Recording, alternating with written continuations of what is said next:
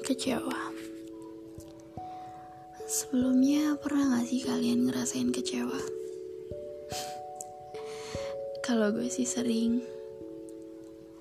Entah kecewa karena sesuatu Atau kecewa karena seseorang. Tapi kebanyakan kecewa yang gue rasain karena seseorang sih. Seseorang yang paling dekat sama kita. Ya, kadang justru mereka-mereka itu yang sering ngebuat kita kecewa. Nggak cuma kecewa sih, kadang sampai mewek. Dasar, gak inget umur. Sering kecewa karena seseorang, sering kecewa karena orang itu, tapi masih aja dikasih kesempatan. Kesempatan buat deket, kesempatan buat baperin, bahkan kesempatan buat selalu bersama. Ya, bersama untuk menjaga komitmen.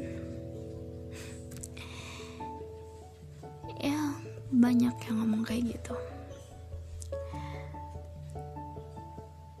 Tapi mereka nggak tahu aja rasanya bertahan. Bertahan karena dikecewakan. Sakit sih, cuma bangga.